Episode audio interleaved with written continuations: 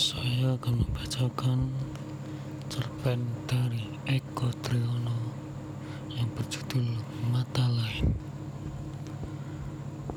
Sam berdiri di depan kelas sebelum hal-hal tak terduga muncul seperti timbunan rahasia. Ia menempelkan poster yang tiap ujungnya kemudian direkatkan. Siapa dong itu, Bapak Guru? Kita orang terada pernah lihat murid keriting tidak sabar. Anak-anak mereka adalah pahlawan. Ini pahlawan kemerdekaan. Ini pahlawan proklamasi. Ini pahlawan revolusi. Kata Sam sembari menunjukkan baris-baris yang berisi golongan gambar. Akan tetapi tidak semudah yang dibayangkan ketika praktek mengajar di sekolah-sekolah Jawa di tempat tinggalnya dulu. Bukan hanya karena anak-anak mereka tidak pernah melihat orang-orang dalam kategori yang disebut pahlawan itu, tetapi juga mereka menyadari bahwa orang-orang dalam gambar itu warna kulit dan bentuk wajahnya tidak sama dengan kebanyakan mereka, termasuk dengan orang tua mereka. Barangkali mereka seolah melihat sesuatu yang datang dari planet lain, dan dengan tiba-tiba mereka dimintai mengakui yang asing itu sebagai saudara, sebagai pahlawan, sebagai penolong, sebelum kemudian dihafalkan dan menentukan nilai rapor. Sam terdiam cukup panjang. Pertanyaan dan kegaduhan silih seperti hujan yang saling jatuh bergantian. Tenang, anak-anak, kata Sam mengambil situasi. Sekarang buka buku catatan kalian. Pak Guru akan mendiktekan pengertian pahlawan. Kalian catat. Di UKK bulan depan akan ada soal tentang pahlawan. Kalian paham? Dan murid-murid serentak menjawab, paham.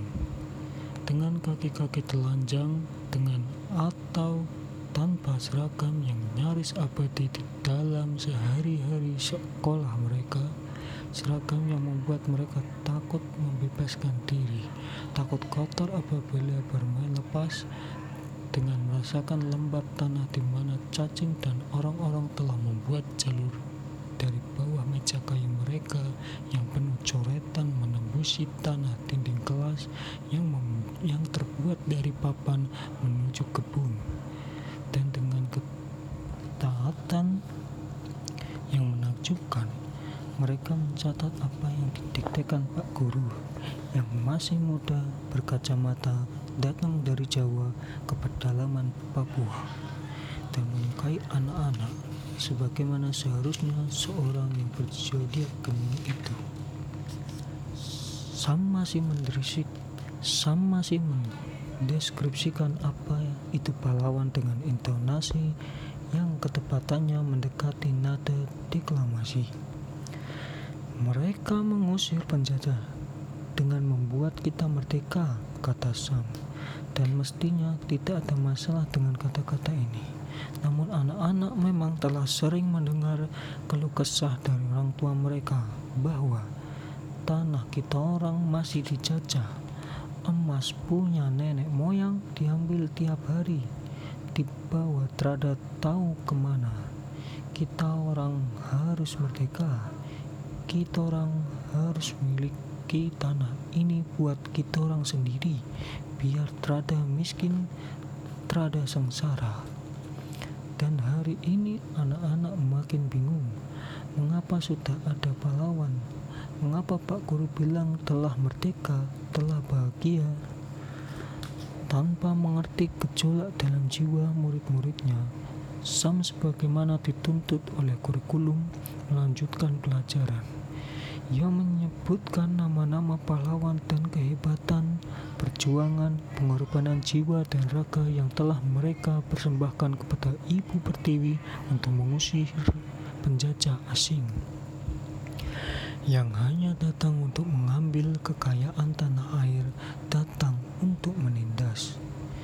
ketika Sam menceritakan tentang penjajah Eropa yang datang dengan kapal-kapal mengangkut hasil bumi, rempah emas, dan kekayaan lainnya dari tanah air ini menuju tanah air penjajah itu dengan diiringi pasukan-pasukan bersenjata api. Murid-murid membayangkan kapal-kapal yang orang tua mereka ceritakan. Kapal-kapal yang datang dengan kosong dan pergi membawa tumpukan emas. Di sana di kapal-kapal yang sangat besar itu, banyak pasukan dengan senjata api, pasukan yang tanpa ampun akan menembak mati siapa saja yang berani mengganggu apalagi melawan. Saat Sam sampai pada kisah tentang pahlawan-pahlawan yang gugur karena mencoba mengambil hak mereka dengan melawan dengan alat-alat seperti bambung runcing, golok, tombak, dan panah menghadapi senjata api Murid-muridnya mengingat kembali pertempuran yang pernah diceritakan orang tua mereka, dan beberapa kali mereka saksikan sendiri. Ketika itu, mereka melihat orang tua mereka membawa tombak di hadapannya. Orang-orang berseragam dengan senjata api, orang-orang dengan nama tentara dan polisi yang wajahnya sebagian besar memiliki struktur yang sama dengan pahlawan di dalam gambar. Kau lindungi dong yang mau rampas kita orang punya harta. Sini kalau kau berani, teriak ayah mereka. Dan pertempuran baku tembak sering terjadi, terutama di sekitar pipa jalur emas yang menurut orang-orang apabila mereka bisa mendapatkannya, mereka bakalan bisa membangun daerah ini dengan listrik, dengan mobil, mesin cuci, dan semua-muanya. Tidak sedikit korban jiwa yang berguguran. Nah, anak-anak, pahlawan-pahlawan itu saling bahu-membahu. Mereka kemudian mendirikan negara, negara Indonesia. Tujuannya untuk melindungi rakyatnya, melindungi dari penjajah, melindungi dari penderitaan, melindungi dari segala yang tidak menyenangkan. Karena itulah ada tentara, ada polisi. Sam semangit, Sam semakin bersemangat. Sementara murid-muridnya menghubungkan penjelasan itu kepada para kepala suku yang dengan gagah melindungi mereka dari peperangan, dari bentrok yang sering kali mengerikan. Jadi anak-anak, Sam mulai berniat memberikan tugas. Pahlawan itu adalah mereka yang pada dasarnya berbuat baik, bertujuan baik, dan berlaku baik. Dan kebaikan mereka membuat kita bahagia. Sekarang Kalian tuliskan sebisa dan sesuka kalian tentang cara kalian untuk menjadi seperti para pahlawan. Sam sementara meninggalkan kelas menuju ruang guru untuk menyelesaikan beberapa soal administrasi. Ia dengan lega karena merasa telah menyelesaikan tugas mengajar tentang nasionalisme. Berjalan melintasi kelas yang terbuat dari kayu-kayu terbaik. Ia telah dipindahkan ia telah dipindahkan dari Jayapura dan kini mengajar lebih dalam ke arah yang seperti waktu tak terduga sama sekali.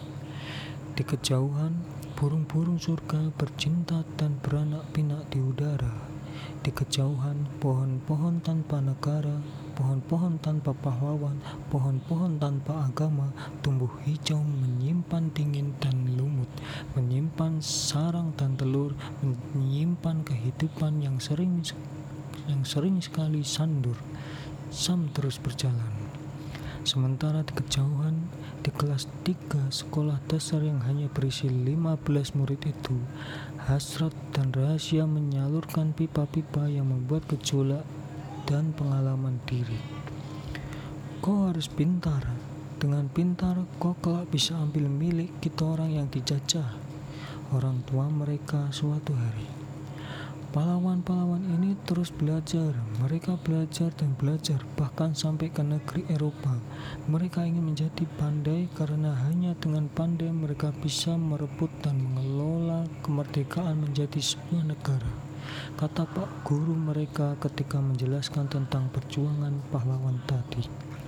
Murid-murid kian bergumul dengan keindah murid-murid kian bergumul dengan kelindan ingatan. Kepala mereka sampai terasa berat dan jatuh ke meja. menatap kertas-kertas, memperhatikan huruf, mengendalikan ujung pensil yang menimbulkan bunyi goresan-goresan menakjubkan. Tak ada yang bicara dengan temannya, semua tengah sangat sibuk dengan diri sendiri. Murid-murid sangat sibuk membayangkan diri mereka menjadi seorang pahlawan.